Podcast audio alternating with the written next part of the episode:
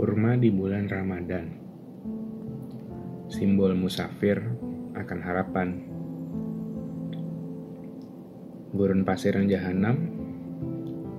Kenapa kurma bisa bertahan? Tunasnya tak akan muncul sampai akarnya menemukan air. Puluhan hingga ratusan meter tanah disisir. Pandemi ini kering bagaikan gurun pasir. Bisnis menguap, tanda kehidupan pun lenyap.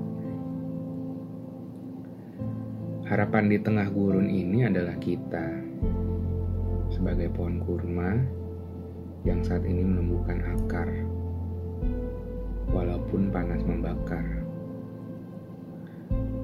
Aku tak berkelakar, coba gali lagi, cari oase di dalam diri. Sampai nanti kamu bisa bertumbuh dan berdiri, berbuah manis